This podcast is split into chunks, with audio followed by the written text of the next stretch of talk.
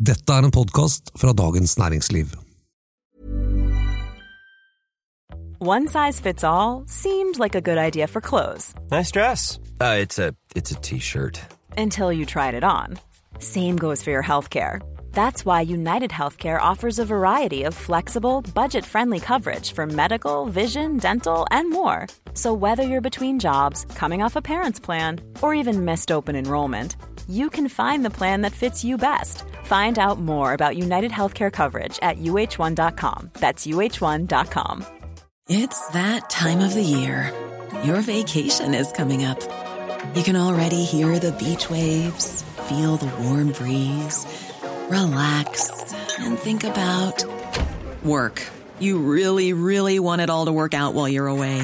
Monday.com gives you and the team that peace of mind. When all work is on one platform and everyone's in sync, things just flow wherever you are.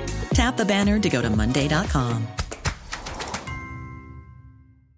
There's never been a faster or easier way to start your weight loss journey than with PlushCare. PlushCare accepts most insurance plans and gives you online access to board-certified physicians who can prescribe FDA-approved weight loss medications like Wigovi and Zepbound for those who qualify. Take charge of your health and speak with a board-certified physician about a weight loss plan that's right for you. Get started today at plushcare.com slash weight loss. That's plushcare.com slash weight loss. plushcare.com slash weight loss. Hei, dette er Eva Grinde fra Den politiske situasjonen.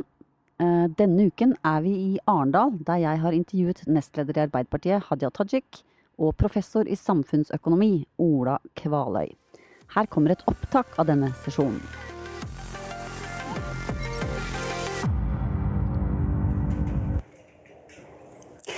Velkommen til nytt møte i DN-teltet og dagens lunsj. Er det staten eller markedet som skal redde kloden fra klimakrise? Mye tyder på at staten seiler i en viss medvind for tiden. Grunnene til det skal vi komme straks tilbake til i en samtale mellom politiker og økonom. Men eh, først. En av pådriverne bak denne fornyede troen på staten og at politikerne faktisk kan styre den økonomiske utviklingen, det er forfatter og økonom Mariana Mazzucato. Det er bare å merke seg navnet. Hun er noe så sjelden som en økonom med nærmest popstjernestatus.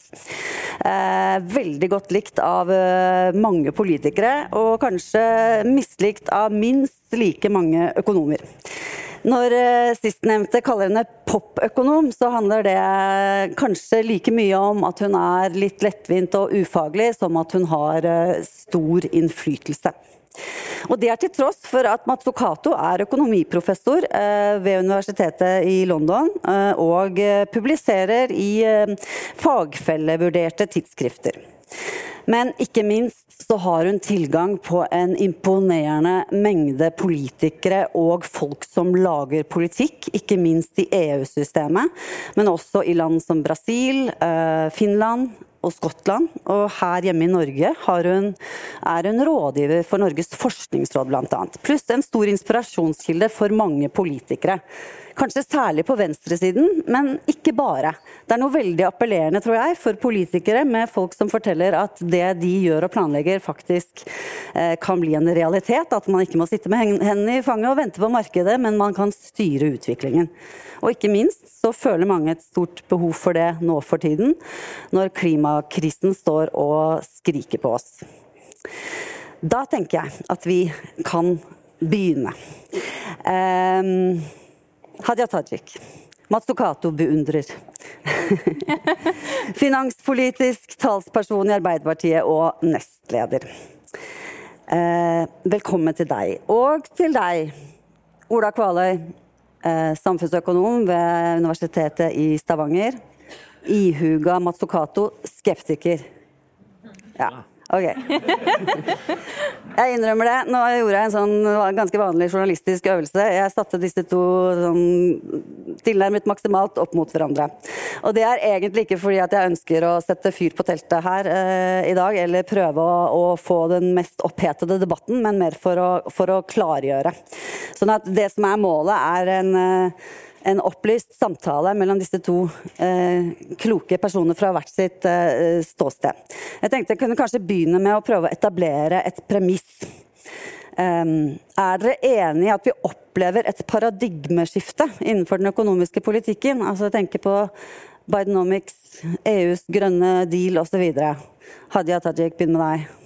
Jeg opplever i hvert fall at det har blitt en mye større del av den offentlige debatten. Eh, og at det òg har bidratt til at vi ser at en del andre land, eh, USA som du bruker som eksempel, eller Tyskland for den del, eller Storbritannia, eh, i hvert fall tar initiativ som ligner mer på en aktiv næringspolitikk enn det man kanskje er vant med å se at de gjør. Men for oss i Arbeiderpartiet så har jo det vært trendy med aktiv næringspolitikk siden Arbeiderpartiet ble starta. Så det er i og for seg ikke en ny tanke eller en ny grunnidé fra vår side. Men det er jo kjekt å se at det som har vært eh, altså en grunnleggende og sentral analyse fra vår side, nemlig at staten i noen sammenhenger må ta en rolle for å bidra til at privat næringsliv lykkes, ved å skape et marked eh, eller ved å rette opp skjevheter i markedet. Um, og ikke minst i en tid som nå, der vi er nødt til å klare å kutte uh, massivt med klimautslipp, halvere utslippene våre innen 2030. Og da har vi dårlig tid, folkens. Sant? Vi må klare det i løpet av ni år. Da trenger vi en aktiv stat i ryggen for å klare å lykkes uh, med det. Så ja, det har nok skjedd et skifte i den offentlige debatten. En vridning fra at man har tenkt at det offentlige bruker verdier, og det private skaper verdier, til at man ser at det offentlige òg bidrar til at verdier blir skapt. Kvale, er du enig? Ser du det samme paradigmeskiftet? Paradigmeskifte er jo litt stort ord. Jeg er enig i at eh, i den offentlige debatten så får du nå et inntrykk av at eh, staten er blitt viktigere. Men hvis vi ser i, i, i praktisk politikk, så, det, så, har det ikke skjedd sånn store endringer foreløpig. Og det er klart Når det kommer til, til klimakrisen, så mener jo alle eh, økonomer òg at staten har en helt sentral rolle. Eh, så, så, så, akkurat der tror jeg nok en, en, er enig. da. Det er jo mer på hvilken måte en, en, en, skal gjøre det på. Men, eh, men det er klart at vi er i en tid nå med, med, der vi bruker krisebegrepet. for Klimakrise, vi har koronakrisen, vi snakker om en ulikhetskrise. Og, og det har gjerne Kapitalismen jo gjerne, eh, skal jo falle pga. kriser, og da blir det mer rop på staten. Så det, det er ikke så overraskende at det, at det gjør det nå. Nei. Mm. Så du, du, du, stille, du, mener også at eh, vi ser et skifte? Ja, skifte i uh, retorikk. Foreløpig, foreløpig ikke så mye i politikk. Men mm. uh, du ser noen tendenser i politikk, uh, sånn som deler av det Arbeiderpartiet nå foreslår. Et litt sånn visst taktskifte i næringspolitikken.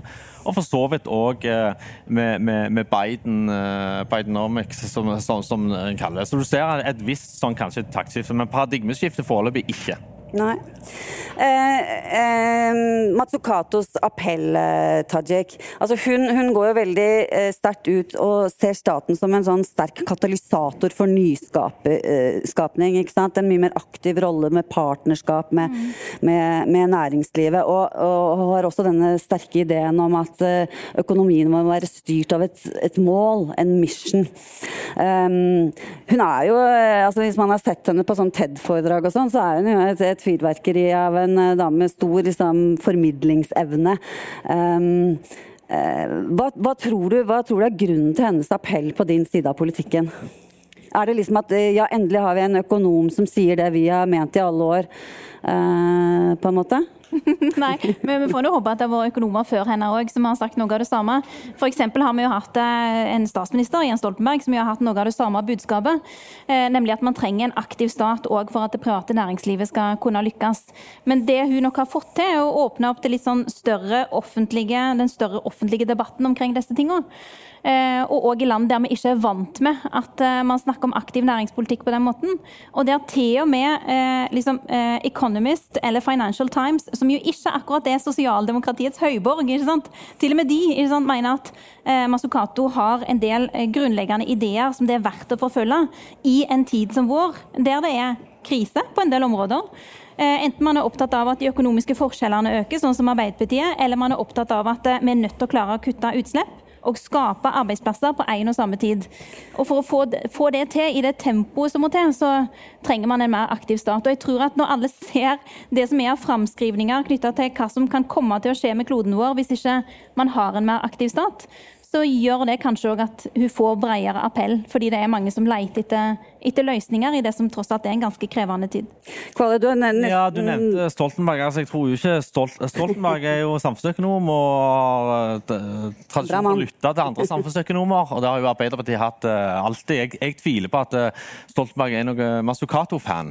Altså, Staten må jo være uh, aktiv i forhold til, altså Skal du løse en klimakrise, så må du ha CO2-utgifter. Du er nødt til å satse massivt på forskning og utvikling, som er et kollektivt gode. At staten har en veldig viktig rolle å spille der, ingen tvil. Men der Masukato går lenger, det er jo at uh, du skal peke ut noen veldig spesifikke mål, gjerne noen teknologier som en virkelig skal satse på, pluss en har en annen tilnærming til uh, eierskap. Uh, staten skal gå inn på eierskap og, og utøve eierskapet på en annen måte. Og Det er jo der òg eh, Arbeiderpartiet nå tar tar til orde for en vending som jeg vil bli overrasket over om Stoltenberg uh, slutter opp om. Men nå er jo ikke han her til å diskutere. ja. Vi kan høre med han ved, ved høve, men jeg, eh, jeg, tenker at det kanskje det høres ut som det er, vi har litt behov for å definere aktiv stat her. For det er vel liksom sånn så aktiv stat eller så aktiv stat, og hva mm. ligger der? Hva er vi enige om på et sånn minimumsnivå, og så hvor er det uenighetene oppstår? Og så er det viktig å huske at Selv om Masukato har mange spennende ideer, så er det ikke sånn at hun er husøkonomen til Arbeiderpartiet og at vi dermed adopterer alt hun sier. Hun vil jo ha en statlig industribank. Det har ikke Arbeiderpartiet foreslått. Men det vi mener med en aktiv næringspolitikk, liksom bare skissert liksom grovt inndelt, så kan du bruke statens virkemidler på fire måter. Du kan bruke staten som eier. Du kan eh, bruke staten til å tilby kapital. Du kan bruke staten gjennom offentlige anskaffelser knytta til varer og tjenester som blir kjøpt inn. Hvilke krav det er du stiller og dermed på en måte òg hvilken utvikling det er du er med på å drive fram. Og så kan du bruke staten gjennom reguleringer. Og på alle disse fire områdene så ønsker vi en mye mer aktiv stat, som seg, har en plan på vegne av dette landet. Og et av de virkelig store områdene eh, som vi er nødt til å ta tak i, er jo akkurat det å kutte utslipp og skape jobber på en måte som sikrer at vi er leverandører i et eh, europeisk marked, og ikke bare kjøpere. Og Det er derfor vi har så dårlig tid, og det er derfor staten må ta den aktive rollen. Hvor er det du mener de går for langt? altså, min, min, frykt er at hvis, hvis du har en, en, aktivistisk stat, kall det det, uh, så, som òg skal uh, peke ut noen vinnere, uh, så, så, får du òg en veldig det vi gjerne kaller for tilkallingsvirksomhet, en, en, en, lobbying inn mot politikere. og Det å tro at, at politikere skal klare å å på en måte eh, styre eh, kapitalen inn mot de, de beste ideene, eh, er, er, litt naivt, tror jeg. Eh, og så er Det noe med, altså, det som er en interessant del av Masukato, er jo at hun, hun tar til orde for en form for new public management, egentlig. En uh, radikal new public management, men ganske uh, offensiv offentlig forvaltning. Det er for så vidt positivt. men hun vil jo organisere dette her på en ganske radikalt ny måte, med, med type oppdragstenkning. Budsjettene er ikke så farlige med, og alt skal samles inn no, rundt noen få oppdrag. Og Der tror jeg, der står han i fare for å og, uh, underminere litt av den solide forvaltningen uh, som en har bygd opp uh, i, i, i sånn, sånn, som Norge.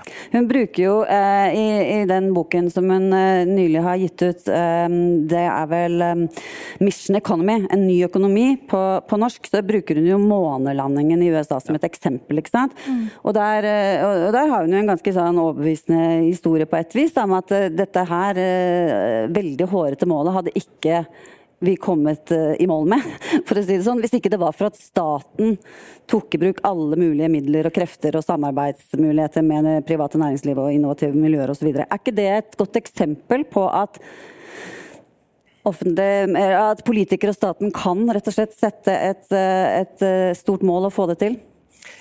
Eller stemmer ikke det? Med... Jeg, jeg syns den månelanding-analogien er veldig dårlig. Uh, av, av, av, flere grunner. For det første er altså klimaproblemet mye mer komplekst enn månelandingen. Selv om det var et teknologisk komplekst problem, så er det jo et helt stort samfunnsproblem som innbakker mange andre problemer. Den andre viktigste grunnen synes jeg, til, at, til, til den eh, sammenligningen så dårlig, som Stoltenberg er faktisk inne på i sin bok, uten at han nevner Masukato, for, hun, for eh, hun var ikke så kjent da. Det er at han angret, Når det gjaldt måne, hans månelandingsprosjekt, så angra han på at han kalte det for et månelandingsprosjekt. Mm. Og En av grunnene til det, det var at eh, månelandingen eh, det var jo et kappløp med, med, Sovjet.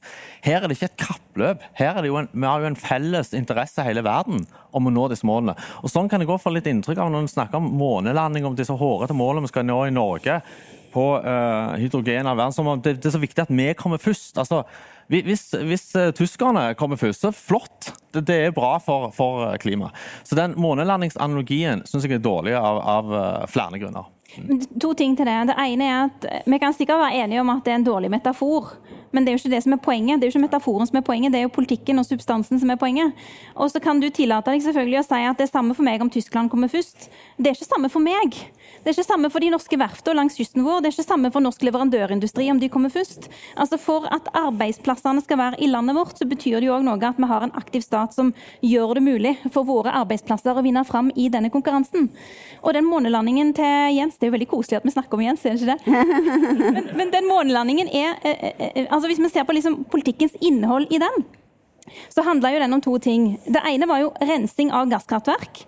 Eh, og det måtte man jo legge til sides. Det gasskraftverket er jo vedtatt nedlagt. sånn at det var på en måte ikke noe å gå videre på. Og det har på en måte òg gitt liksom månelandingsprosjektet et litt sånt dårlig omdømme. Men den andre delen av det det handla om at man skulle ha et test- og teknologisenter på Mongstad som bidro til altså, utvikling knytta til karbonfangst og -lagring. Og det teknologisenteret er verdensledende i dag. Den teknologien de har vært med på å drive fram, er teknologi som man i dag vil bruke i Brevik, altså knytta til karbonfangstprosjekt der. Altså det at man har klart å gå opp løypa på et tidligere tidspunkt, våge å være ambisiøs og ha langsiktige planer, er noe av det som har lagt fundamentet for at man i dag kan ta de neste skrittene andre plasser. Og det er sånn man er nødt til å tenke. Og det er den rollen staten òg må ta. Hvis jeg kan tillate meg å gi ett eksempel på hvordan man kan bruke offentlige anskaffelser. For det er jo en av de tingene som høres litt sånn kjedelig ut, men som er en veldig effektiv måte å bidra til eh, altså at man bygger de kompetansemiljøene som skal til for å kunne liksom, stå i en internasjonal konkurranse. Så eh, er det jo sånn at Verdens første nullutslippsferje den kom i 2015, eh, kalles Ampere. Eh, og litt av bakteppet for det er at Statens vegvesen skulle sette ut denne kontrakten. Eh, de valgte å utforme en kontrakt som var langsiktig, som var forutsigbar, som stilte ganske tydelige krav til teknologi uten uh, å gå inn i liksom, teknologien. Altså, den var teknologinøytral. Så man sa at den skulle være utslippsfri. Uh, Jobba tett med ulike industrimiljøer på selve utformingen av kontrakten, men var òg veldig tydelig på at de skulle vekte klima mer enn de vekta pris. Det var òg med på at det var Norled som vant den kontrakten. Bygde denne ferja og bygde på en måte også det kompetansemiljøet som skal til da, eh, for å kunne bygge denne type ferjer. I dag er det 70 sånne ferjer i Norge, og det er et stort internasjonalt marked. Så når man ja. ja. Nei, jeg bare tenker Det fins uh, mange enkelteksempler uh, som, som, forteller sånne suksesshistorier. Men er det ikke et problem, som Kvaløy var inne på, dette med at man skal sitte i en eller annen departementskorridor og planlegge og plukke ut hvem som blir morgendagens økonomiske vinnere? Er ikke det vanskelig? Hvordan... Ja, la oss ikke gjøre det. Ja. For det, det, er noe som Arbeiderpartiet ikke foreslår, er at det skal sitte noen i et departement og plukke morgendagens vinnere. Det kan ikke departementet gjøre. Men det er ofte noe man hører fra høyresida, at man kan jo ikke liksom, Arbeiderpartiet vil liksom plukke vinnere og sånn. Det vil vi ikke. Men det det går an å si noe om, er at et lite land som Norge har noen sterke fortrinn. La oss bruke de fortrinnene, la oss ha noen planer for de fortrinnene. Og de fortrinnene handler typisk om eh, tilgang til naturressurser, altså tilgang til ren og billig energi. Hvordan skal vi bruke det, hvordan skal vi legge til rette for det? Og det andre handler om kompetansemiljøer som vi har bygd opp gjennom ganske mange tiår. Og der er det klart at politikerne og departementet kan si nå prioriterer vi disse si, tematiske områdene.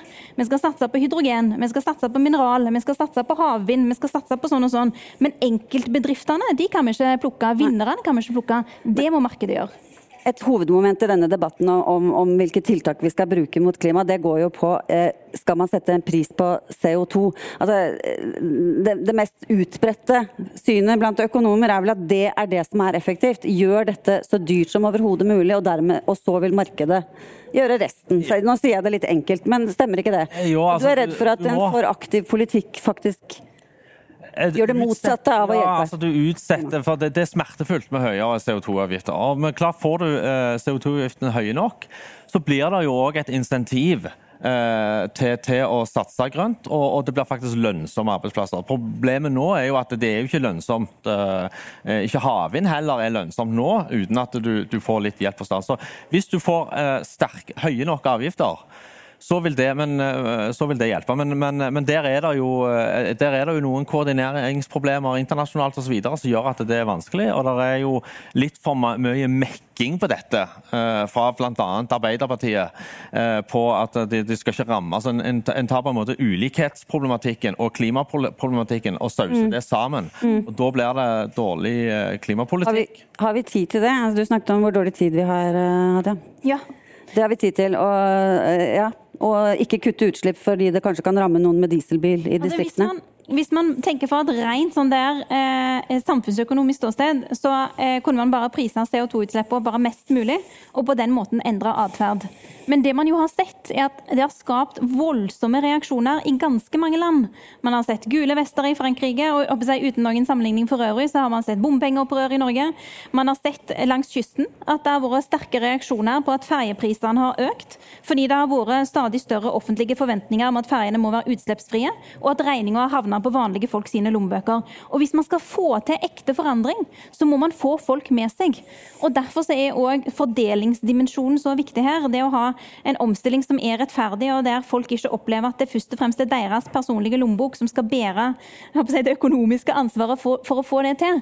Det er det som gjør at man er nødt til å tenke bredere da, enn bare eh, i økonomiske termer. Det er der man trenger politikken. Ja, Ulikhet er en del av det uh, samfunnsøkonomer òg er, er, opptatt av. Men jeg tror jo at en del av den litt sånn aktivistiske næringspolitikken faktisk òg er dårlig fordelingspolitikk. Men hva er den aktivistiske? Uh, for eksempel, det å, det å uh, subsidiere gå inn på eiersida eller subsidiere en uh, virksomhet. Det er jo, men, men, er jo skatte... Er vi enige om at liksom, Statoil var en god idé? Der var man på eiersida.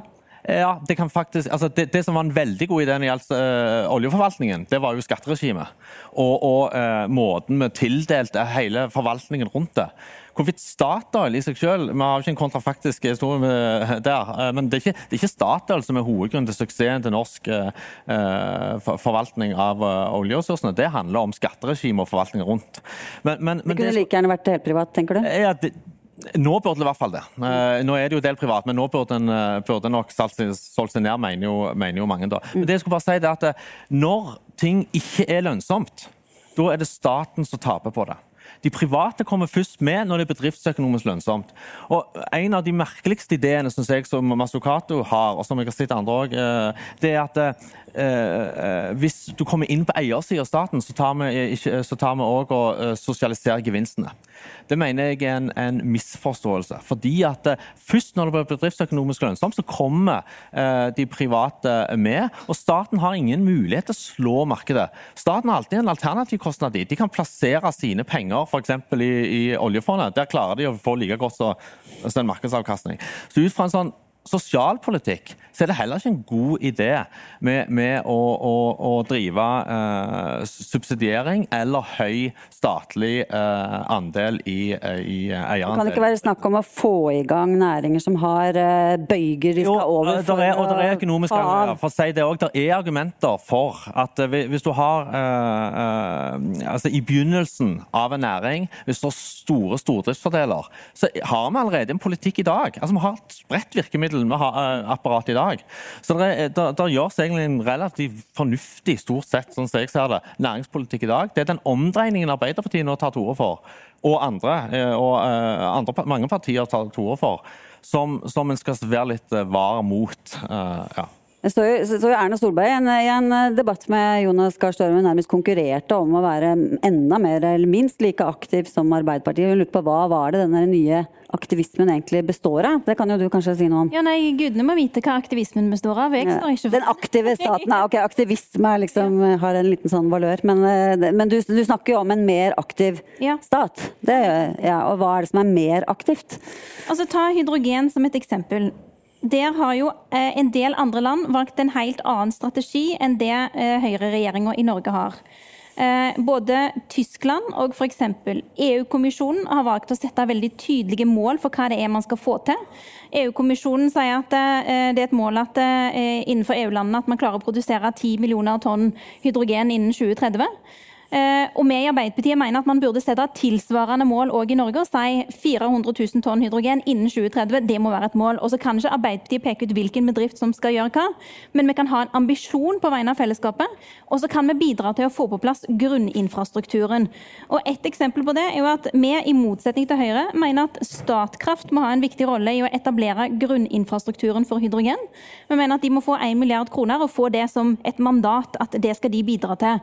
Og Det betyr jo ikke at nå skal liksom byråkratene i Statkraft ut og bygge grunninfrastrukturen for hydrogen. Sant? Det det betyr er at De skal kunne liksom etablere det som må til for å etterspørre at de private, eh, altså de private industribedriftene gjør det som må til for at man etablerer grunninfrastrukturen. Og det som er situasjonen i dag, er at fordi det ikke er et marked for hydrogen, så er det ikke private aktører som er villige til å ta den økonomiske risikoen for å gjøre akkurat dette her. Akkurat det som handler om å etablere grunninfrastruktur. Og du vet at det blir lønnsomt? Det, det er du helt overbevist om? Ja, fordi, fordi, så mange land sier at de vil at det skal være lønnsomt. Er dette politiske land... drømmerier sånn fra en økonomisk Nei, det kan jo det kan bli lønnsomt. Uh, sånn, men, ja, ja, kan ja, men altså, ja, nei, altså, staten skal inn og ta risiko. Hydrogen, det er ikke jeg ekspert på, men det er jo, så kommer det nye forskning som viser at det kanskje ikke er hydrogen særlig, særlig det å klargjøre hydrogen så veldig eh, eh, klimavennlig osv. Det, det, det som jeg er også redd for, det er at alle de gode ideene Eh, blant folk som ikke har tett kontakt med eh, eh, eller lobbymakt eller tett kontakt med de rette politikerne, og sånt, som ikke får tilgang til billig statlig kapital, eller, ja, de, de, de, de, forsvinner hen, og så mm. får du ikke den pluralismen i idéutvikling som du bør ha i en dynamisk økonomi. Jeg skal, jeg skal gi en rett i at det alltid er en fare for en slags sånn der lobbyfest. Fordi eh, Hvis du som politiker spør liksom en del, eh, en del eh, si, sånn, store private aktører Hvis du sier sånn Jeg har 10 milliarder kroner. Hvor mye av det er det du trenger for å gjøre det du skal? Så kommer de til å tenke seg om, spør noen jurister, kanskje noen økonomer, så kommer de tilbake og så sier de vi trenger 12. Sant? Så Man må jo bruke ved. Man må jo bruke ved i utformingen av hva det er som skal til her. Og det kan selvfølgelig ikke være sånn at de sterkeste aktørene alltid er de som vinner fram. Men vi så jo det i juni i 2020 f.eks. Hvilke veldig, veldig sterke oljelobbyister vi har. Så, det er jo noe hvem skriker høyest, hvem har makten i dag, hvem har tilgang på de mektige personene for å få sin vilje gjennom. Og det virker jo veldig lite sånn i tråd med denne klimakriseorienteringen, den, de skattelettene som da ble gitt til næringen. Men la oss ta de konkrete resultatene det har ført til. Vi vet jo f.eks. at Aker Verdal eh, de ville vært lagt ned nå. De vil, de vil, altså de Men staten tok risikoen, vi visste jo ikke det. Det var jo derfor det ble gjort fordi at eh, man trengte noen til å ta risikoen. Så du kunne jo ikke vite det. Det er jo hele poenget. Og Det ville jo betydd at det som er potensielt 700 ansatte der, ville risikert oppsigelser eller permitteringer. Det de har gjort i stedet, pga. oljeskattepakken, er at de har da ferdigstilt det som kalles for HDB-plattformen. Eh, det er, det er altså noe som er med på å gi de kompetanse til å bygge havvindprosjekter der man kan bruke HB-plattformen som mal, mer eller mindre, til å gjøre det som òg er nye grønne industrier. Og Vi er jo nødt til å sikre de arbeidsfolka som jo skal bygge de nye grønne industriene. Hvis vi putter oss selv i en situasjon der de går over til å gjøre andre ting, så er det jo sånn at den kompetansen de har, er jo en ferskvare som vi må sikre for at det skal kunne brukes til å bygge andre industrier i framtida. Jeg lurer på et sånn jeg må bare få stille litt sånn grunnleggende grunnleggende spørsmål. for Man snakker om å gjøre liksom, CO2-utslipp så dyrt at det, helt, at det, blir lite interessant, og så skal på en måte markedskreftene på, finne ut hva fungerer best, hvis man skal ta det der renskårne økonomiske. Men vi, når vi nå vet at liksom, vi har et sånt vindu som man snakker om på 8-10-12 år, eller noe sånt, hvor det er kjempeviktig å få lagt om. Er, er det da er det da lurt å liksom la disse ulike teknologiene bare konkurrere og se hva som fungerer best, og hva det blir størst etterspørsel etter? Hvor lang tid tar det?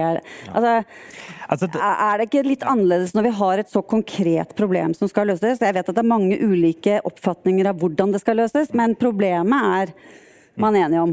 Det, det, er forskere som mener, og som gjerne innenfor innovasjonsforskning og sånt også, som mener at, du, at staten har en koordinerende rolle rundt for å på en måte peke ut noen sånne teknologier. Sånn. Så det, det, kan være argumenter for det. Men jeg tror at det at vi er i en, i en, i en klimakrise og at, har, at, det er mye som står på spill, så tror ikke vi skal legge vekk uh, ganske altså, utvik, uh, 200 år lang utvikling i samfunnsøkonomisk økonomisk tenkning av den grunn. Faktisk er det viktigere enn noen gang å, å bruke kjente termer innenfor for, for, Var det ikke på 80-tallet markedsliberalismen satt inn da? Før det så var man vel mer proaktive det er litt sånn, Den fortellingen er litt sånn feil. Altså, eh, det som okay. skjedde, var ikke at det markeds... Altså, faglig sett det som skjedde, var at en på 70-tallet begynte å forstå bedre problemene med eh,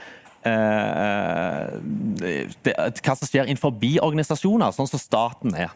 At det å få til effektiv drift eh, innenfor byråkratier er eh, ikke så lett. Det var en enorm planleggingsoptimisme sånn som Ragnar Frisch og sånn nobelprisvinner i økonomi, så tenkte at eh, vi kan imitere markedene. Vi kan få til akkurat det samme, og til og med enda bedre.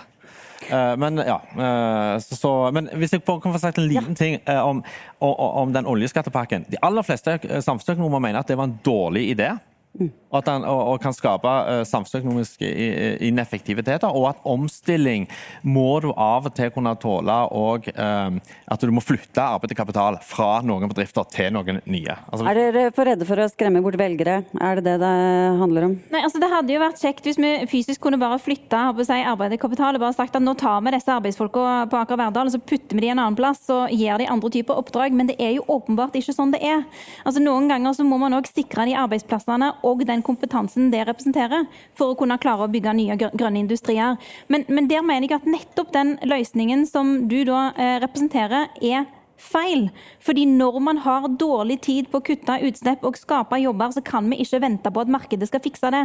Markedet har hatt mange tiår på å fikse klimakrisa. Det har markedet ikke klart. Nå trenger vi en stat som kommer på banen og tar en mye mer aktiv rolle for å få det til. Ja, ingen, ingen, mener at markedet skal gjøre det. og markedet, Vi har jo helt andre typer klimapolitikk i dag enn bare, bare for, eh, for, noen år siden. Bare, bare for, for å si det da. Sånn at eh, Vi har ikke fått testa ut en virkelig god klimapolitikk. Men det er er i ferd med nå å få til et mye bedre regime på. Og når man snakker om at markedet kommer til å slutte å satse på olje og gass, så er jo det fordi de er redde for effektene av politiske tiltak. Ikke sant? Sånn at det, det, det går jo ikke av seg selv i den forstand at ikke det har noe med politikk og samfunn å gjøre. Det kan vi vel slå fast. Ja. Det kan vi heldigvis være enige om, at politikk har betydning for samfunnsutviklingen. men, men, men, det er, en viktig ting, jeg må bare si det. Altså, du sier at vi, vi, kan ikke bare flytte folk derifra til der. Eh, jeg tror ikke det er politikerne skal, skal flytte folk rundt omkring til ulike bedrifter. Og vi har jo faktisk et, et system i Norge og Skandinavia, et velferdssystem som gir veldig god uh, forsikring for midlertidig arbeidsledighet. Nettopp den gjør jo at, vi, at uh, både kapital og arbeidskraft ikke trenger fryses fast. Det der er å gamble med folks kompetanse, er å si at det der er en, en teoretisk midlertidig arbeidsledighet. Hvilken, hvilken, virkelighet de ville gått inn i hvis de hadde mista jobbene sine. Okay. Uh, ja. Og det var dit vi kom. Tusen takk.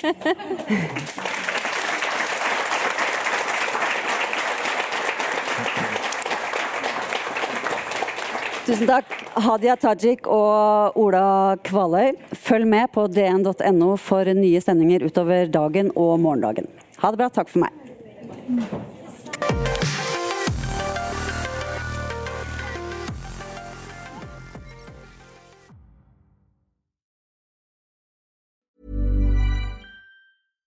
Hi, I'm Daniel, founder of Pretty Litter. Cats and cat owners deserve better than any old fashioned litter. That's why I teamed up with scientists and veterinarians to create Pretty Litter. Its innovative crystal formula has superior odor control and weighs up to 80% less than clay litter.